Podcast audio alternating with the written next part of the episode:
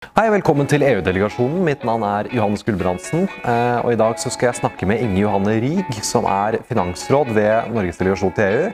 Hun skal fortelle oss om eh, EUs nye klassifiseringssystem for bærekraftig finans. eh, Hvorfor dette er så viktig, og hvorfor det er så aktuelt akkurat nå. Hei, Inge Johanne. EUs taksonomi, eller klassifiseringsforordningen som vi kaller den i Norge nå, er del av et stort stykke arbeid som omtales som EUs bærekraftige finans.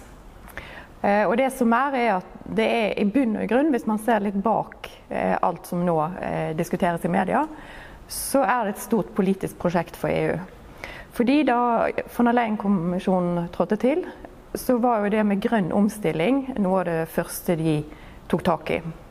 Og Der går en rød tråd mellom eh, FNs bærekraftsmål, eh, tilslutningen til Parisavtalen, og det som nå gjøres på bærekraftig finans. Og Den oppkoblingen i EU skjer egentlig gjennom EUs grønne giv, eller EU Green Deal, eh, og den tilhørende investeringsplanen som de har til det. Og Grunnen til det er fordi at hvis de skal klare denne omstillingen av økonomien i grønnere retning, så har de et ganske vesentlig finansieringsunderskudd. Og det er ikke nok midler på de offentlige budsjettene rundt i de ulike medlemslandene til å finansiere omstillingen. Du må ha med deg også privatkapital og eh, bedriftene som henter eh, kapitalen. Eh, Og det de da har gjort, er at de har i samspill med det de kaller bærekraftig finans, så gjør de arbeid innenfor EUs langtidsbudsjett. Eh, De gjør arbeid innenfor rammen av Den europeiske investeringsbanken, eh, sammen med det nye programmet som heter InvestEU. Og så har man den private delen av det som er bærekraftig finansbiten. Og der er det at taksonomien kommer inn. Eh, Og de har holdt på med det ganske lenge, faktisk før von der Leyen. Det startet under Juncker med en første handlingsplan i 2018. Og den var i veldig stor grad insentivbasert. Når du sier siden Junker, hvor, hva snakker vi om i år da? Hvor lenge har de jobbet? Ja, Da er vi tilbake igjen til mars 2018 kom den første handlingsplanen. Og så ble den fulgt av forslag til regelverk i mai 2018. Det er nå vedtatt, da. Men det som var si, kjernen i den første handlingsplanen, var at den var ment å skulle eh, gi insentiver til å begynne å tenke i en grønnere retning i finansmarkedet. Så det er en ganske sånn atypisk eh, finansmarkedsregulering. For det er jo i bunn og grunn foreløpig et finansmarkedsregelverk, selv om virkningene er langt utover finansmarkedet. Så er jo det eh, fondsforvaltere, profesjonelle investorer og rådgivere man henvender seg til direkte i eh, reglene som, eh, som så har fulgt. Men så har jo dette modnet underveis. Så nå oppfattes det nok eh, mer hva skal vi si, bindende eh, til noen grad. Eh, og vi forventer jo også at vi får en eh, handlingsplan eh, til nå i vår. Som kanskje i større grad vil se hen til dette med risiko knyttet til klimaendringer. Og hvordan det påvirker næringsliv, hvordan det påvirker finansmarkedene. Eh, og det vil også eh, virke langt utover finansmarkedet i seg selv. fordi når finansmarkedet skal gjøre et skifte i måten de investerer eh, penger, og også ikke minst er pålagt å rapportere om hvordan de tar inn eh, bærekraftselementer i, i eh, investeringsrådgivning og selve investeringen de gjør, så vil jo det automatisk medføre at de må ha opp den informasjonen fra de underliggende virksomhetene de investerer i. Så det betyr at alle, uansett hvilken næringssektor du kommer fra, så vil du måtte i- fremtiden regne med å måtte rapportere mer om det man kaller ESG-forhold, som står for Environmental, Social and Governance. Eh, som litt kort forklart eh, dekker rapportering om bærekraft, om det vi kaller sosiale forhold, arbeidstakerrettigheter, eh, menneskerettigheter. Altså at du skal kunne rapportere det på hele verdikjeden din. Dvs. Si altså ned til nederste ledd av underleverandør. Og så er det governance-biten som går mer på selskapsstyring. Så, så det er ikke bare finansmarkedsregelverk som kommer nå. Det kommer en pakke eh, med regler eh, som foreløpig ikke er fremmet formelt, men som har vært ute på høring. eh, Som dels går på det vi kaller ikke-finansiell selskapsrapportering, som er altså samfunnsansvarsrapportering til selskapene. Eh, og som dels går på selskapsretten. Og så skjer det selvfølgelig også veldig mye innenfor eh, den tradisjonelle finansmarkedsreguleringen. Både på det som retter seg mot verdipapirmarkedet og det som retter seg mot bankene. Så det, et- det er et ganske stort arbeid som gjøres. taksonomien, eh, eller klassifiseringsforordningen, skiller seg ut fordi den er så veldig førende ved at den gir kriterier som en gitt økonomisk aktivitet, altså f.eks. produksjon av aluminium eller byggingen av et nytt bygg, må tilfredsstille for å få lov til å kalle seg eh, taksonomi grønne. Hvis du tillater at jeg, at jeg, bryter litt ned for noen som kanskje hører om dette første gangen. så Du snakker om EU, det grønne giv og, og om finansmarkedet her. Eh, blir det riktig å si at dette på en måte er eh, en måte å integrere denne sektoren inn i eh, den større grønne satsingen som foregår i Europa nå? Ja, det, det, tror jeg er en fin måte å oppsummere det på. Altså, grunntanken er jo det å binde sammen eh, finansmarkedet, altså, eller de som tilbyr lån eller kapital, eh, og de som etterspør det, altså bedriftene. Og da har de gått løs først på finansmarkedet, altså de som tilbyr eh, finansieringen. Men den underliggende tanken er jo at ved at de skal begynne å bli mer oppmerksomme på at de skal investere inn i økonomiske aktiviteter som bidrar til bærekraftsmålene, så vil du få et skifte i realøkonomien. Så det er en dynamikk her. Så selv om ikke de formelt har eh, rettet seg mot næringslivet i sin bredde, men finansmarkedet, så er jo den underliggende tanken, og det som gjør at dette henger sammen med den grønne given, at det skal, kapitalflyten skal være med på å bidra til et skifte i en grønnere retning. Mm. Jeg vet ikke om det oppklarer. Eh, jo, jo. Det, eh, men når du snakker om Du, du bruker jo konsekvent ordet klassifiseringssystem. Eh, og da tenker jeg at det virker som at man, man, skal sette forskjellige næringer eller bedrifter i forskjellige klasser eller kategorier. Uh, er, er, det riktig i så fall? Hva er da disse kategoriene?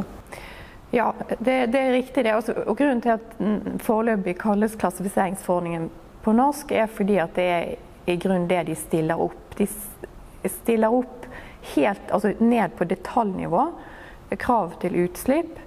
Um, som, uh, som, du må etterleve for å kunne kalle deg grønn. Og Det har de gjort på den måten. Det er delt i, i flere ledd. Først så har du en rammeforordning. Altså selve taksonomiforordningen eller klassifiseringsforordningen. Og den eh, stiller opp eh, noen bærekraftsmål. jeg vet ikke om du har lyst til å gjengi de for meg? før vi fortsetter? Eh, jo, kan selvfølgelig gjøre det. Eh, fordi eh, ifølge det vi har fått vite hittil, så um, for å kunne klassifiseres som grønn, så, så, må det jo eh, rett meg her, bidra til et av EUs klimamål, og ikke skade de andre. Eh, og Da er jo de selvfølgelig begrensning av klimaendringer, eh, klimatilpasning, som vel kanskje går på litt det samme, Bærekraftig bruk og beskyttelse av vann og marine ressurser. Eh, omstilling til sirkulær økonomi. Avfallsforebygging og gjenvinning. Eh, forebygging og kontroll av forurensning og beskyttelse av sunne økosystemer. Ja, Det er de seks bærekraftsmålene de har stilt opp. Og når du hører deg lese det opp i sin fulle helhet, så hører man jo at det treffer jo egentlig nesten alt av næringslivet. Og så er det disse to vilkårene som ligger i forordningen, som er på en måte rammevilkårene. Det er det at du må bidra positivt til minst ett av disse målene. Og så må du ikke bidra eh, vesentlig negativt til de øvrige fem. Eh, og så er jo da det store spørsmålet med hva betyr det i praksis. Eh, og det er jo der EU er nå. At de, eller kommisjonen, eh, Europakommisjonen har kommet med forslag til eh, en såkalt delegert rettsakt, altså en slags forskrift kan man kalle det, hvis man skal sammenligne med norsk rett, som, som gir de konkrete detaljene som vi snakket om i sted. Og Den var ute på høring før jul. Og det De har gjort i den, er at de har hatt forutgående for at de la den frem, en ekspertgruppe som har gått løs på de næringssektorene man tenker har høyest karbonavtrykk. Så kom de med en rapport i mars i 2020, som så kommisjonen har bearbeidet og eh, omdannet til eh, denne nye eh, utkastet til delegert rettsakt, som var på høring før jul. Der eh, eh, ble jo det eh, veldig mye oppmerksomhet. For i dag plutselig var det mange bedrifter som så at deres, den aktiviteten de, eller deler av de aktivitetene de har som del av sin næringsvirksomhet, var omfattet. Uh, mens noen så at de var ikke hva skal vi si, det vi kaller forhåndsklassifisert, og da lurte de på hva betyr det. For veldig mye her handler jo om hvordan markedet reagerer. For dette er jo ikke bindende regler at du kun har lov til å investere grønt. Dette er regler som skal si noe om hva, må, hva en økonomisk aktivitet må tilfredsstille av krav på utslippssiden. Foreløpig er det bare det de har tatt for seg. Eh, for å kunne kalles grønn videre inn i finansmarkedet. Men det betyr jo ikke at eh, verken verdipapirsiden eller bankene senere som vil bli omfattet, som delvis har regelverk de kan bruke allerede til å ta hensyn til det, ikke har lov til å investere i noe som ikke er preklassifisert. Og Det er jo litt viktig å ha med seg. for Hvis man kun tok for seg de aktivitetene som er med per nå, så er jo det bare en veldig liten del av det totale eh, markedet. Og, og, det vil jo lede til virkninger man ikke ønsker seg. Altså Det kommisjonen og EU ønsker seg, er jo et bredt skifte. Og så var nok den opprinnelige tanken tenkt at dette skulle være et hjelpemiddel. Og så er det blitt oppfattet eh, til dels ganske bindende, og som gjør at det nå er eh, veldig mye bekymring hos en del bedrifter for enten kravene de har fått, eller for at de ikke har fått noe. Eh, og eh, selvfølgelig finansnæringen som har både eh, klassifiseringsforordningen å tenke på, og også en bindende forordning om hvordan de skal offentliggjøre informasjon.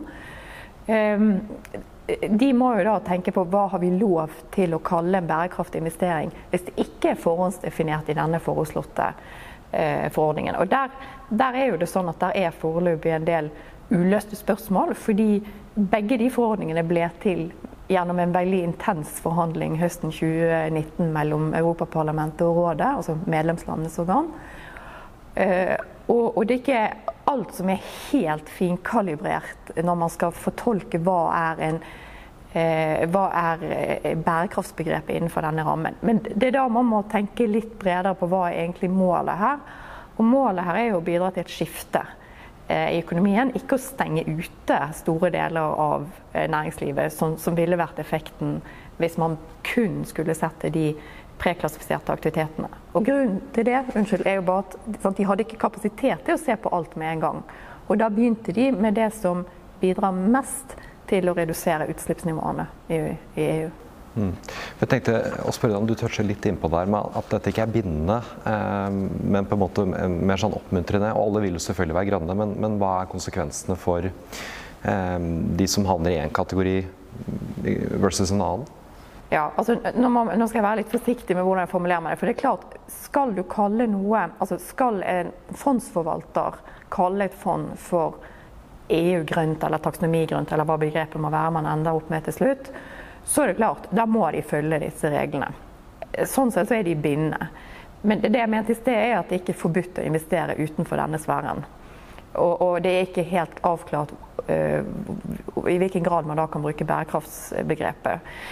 Så det er klart at eh, Sånn sett så har det en stor, eh, stor forskjell for bedrifter eller næringssektorer som er med i første bølge av, av eh, klassifiseringskriterier, og de som ikke er det. For de som er med i den første bølgen, de vet at hvis de oppfyller krav X, Y og Z, så er de automatisk Eh, innenfor den verden som eh, f.eks. denne fondsforvalteren eller denne rådgiveren kan kalle EU bærekraftig eller EU grønn eller taksonomigrønn senere hen. Mens hvis du ikke er med, så er jo nå, fordi dette er helt nytt, det har ikke vært anvendt ennå, det har jo ikke trådt i kraft fullt ut ennå, det trer først i kraft eh, fra neste år, de første delene, så er det ingen som helt vet hva gjør vi med denne restkategorien av, som er stor av økonomiske aktiviteter. Og det er jo grunnen til at EU har en ny ekspertgruppe som, eh, eh, som, kom til i høst, og som begynte å jobbe i oktober.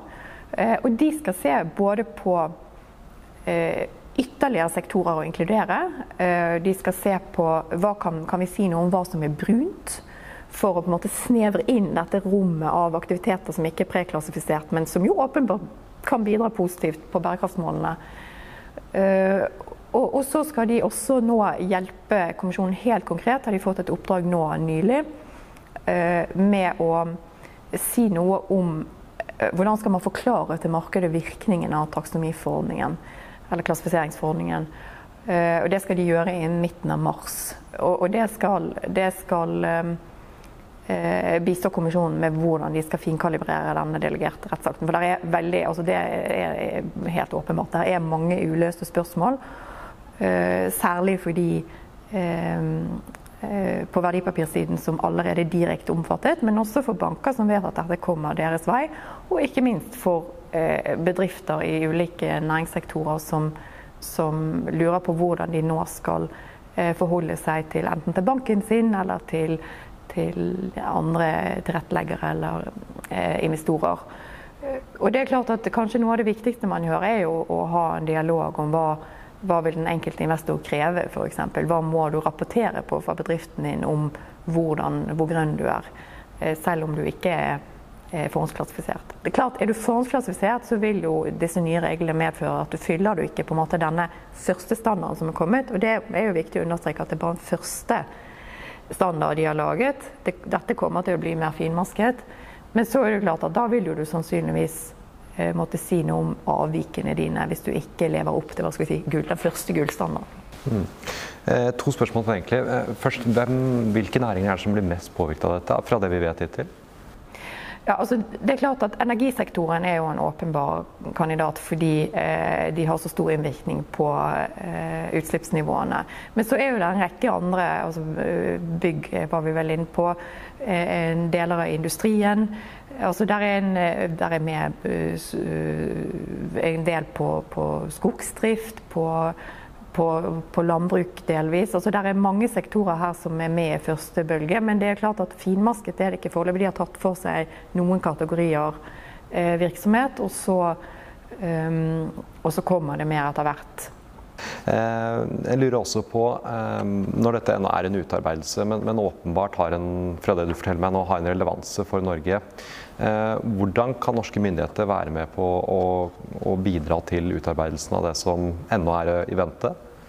Altså det gjør vi. vi gjør det på flere måter. Og det vi har vært, prøvd å være veldig klar på fra eh, altså kollegene mine i Finansdepartementet, er at her er det både myndigheter, men også bedriftene selv bør, eh, bør, jobbe inn mot EU når det gjelder disse konkrete kriteriene. For det er klart at det er en veldig uh, uvanlig sits at du har et finansmarkedsregelverk, men hvor detaljene omhandler økonomiske aktiviteter spredt utover det ganske land. Og da må du ha ekspertisen fra de områdene med for å få uh, gode innspill. Uh, fra, fra myndighetens side så er jo vi gjennom EØS-avtalen så har vi veldig god tilgang til utarbeidelse av nytt regelverk i, i EU. Så der sitter vi inne sammen med medlemslandene.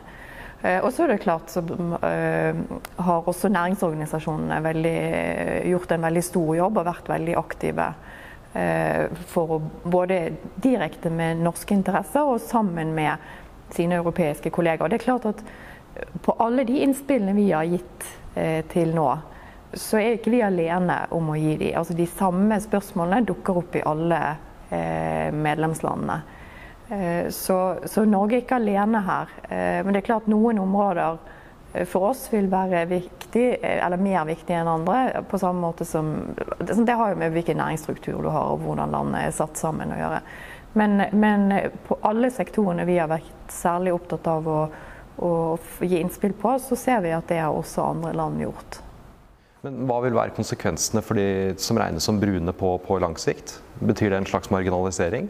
Altså, igjen så vil jo det i veldig stor grad være opp til hvordan markedet reagerer. For til syvende og sist så er jo dette et spørsmål om hva det er appetitt på å investere i, og, og til hvilken pris. Så er det klart at nå er jo eh, mange opptatt av å være med på å understøtte bærekraftsmålene, og derfor vil dreie seg mot eh, prosjekter som der er rapportering på at eller tilfredsstiller klassifiseringsforordningen, eller på en eller annen måte viser at de kan dokumentere at de bidrar til eh, bærekraftsmålene, eh, så ser jo vi allerede at det er en prisforskjell på, eh, på si, tradisjonell fossilt og, og det som er, er nytt.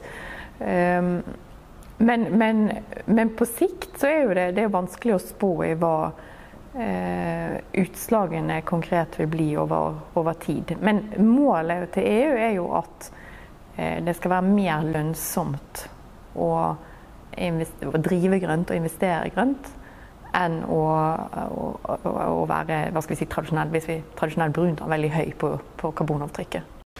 Hva er liksom de store ukjente eh, angående denne taksonomien nå? Hva er det som er de store spørsmålstegnene eh, i tiden framover? Vi har snakket om at det ikke er totalt utarbeidet ennå. Hva, hva, er det man går og venter på eller og, og ønsker svar på nå? Ja, altså jeg tror det, altså De som er involvert i dette arbeidet, så er jo det de virkelig venter på nå, er jo eh, om utkastet til denne delegerte rettsakten som skal gi de konkrete kriteriene for de enkelte næringssektorene som, som er med i første bølgen, eh, når den kommer. Og, og, det er jo klart at i, Etter høringen som var i desember, så kom jo det veldig mye kritikk mot eh, deler av, eh, av eh, hvordan kommisjonen hadde gått løs på en del næringssektorer. Og Det er jo naturlig, fordi det vil jo man ha ulikt syn på. Eh, og så er spørsmålet om nok medlemsland eh, syns at kommisjonen har gjort det på en måte som er grei, eller om de vil motsette seg det. For det vil, har jo de en formell rett til å kunne gjøre. Um, så, så det, det, forventer vi jo. altså teamplanen er jo litt forsinket nå. Egentlig skulle dette vært på plass allerede. Uh, men, men, de holder jo på at dette skal tre i kraft etter planen. Dvs. Si at offentliggjøringsforordningen kommer nå i mars Eh, selv om ikke alle detaljene er på plass. Dvs. Si at finansmarkedet må begynne å rapportere. Eh, og klassifiseringsforordningen neste år. Og, og, og, da vil de måtte ha på plass den delegerte rettsakten mest sannsynlig i løpet av første halvår. Det er det vi forventer nå. Men dette er et bevegelig mål, og det har, det har vist seg å justere seg litt underveis. Eh, så den store milepælen nå er jo altså regulatorisk fra EU er jo denne delegerte rettsakten. Så dette er noe som snakkes om akkurat nå, som fortsatt er i utvikling nå? Ja. ja. Det er veldig brennhett akkurat nå.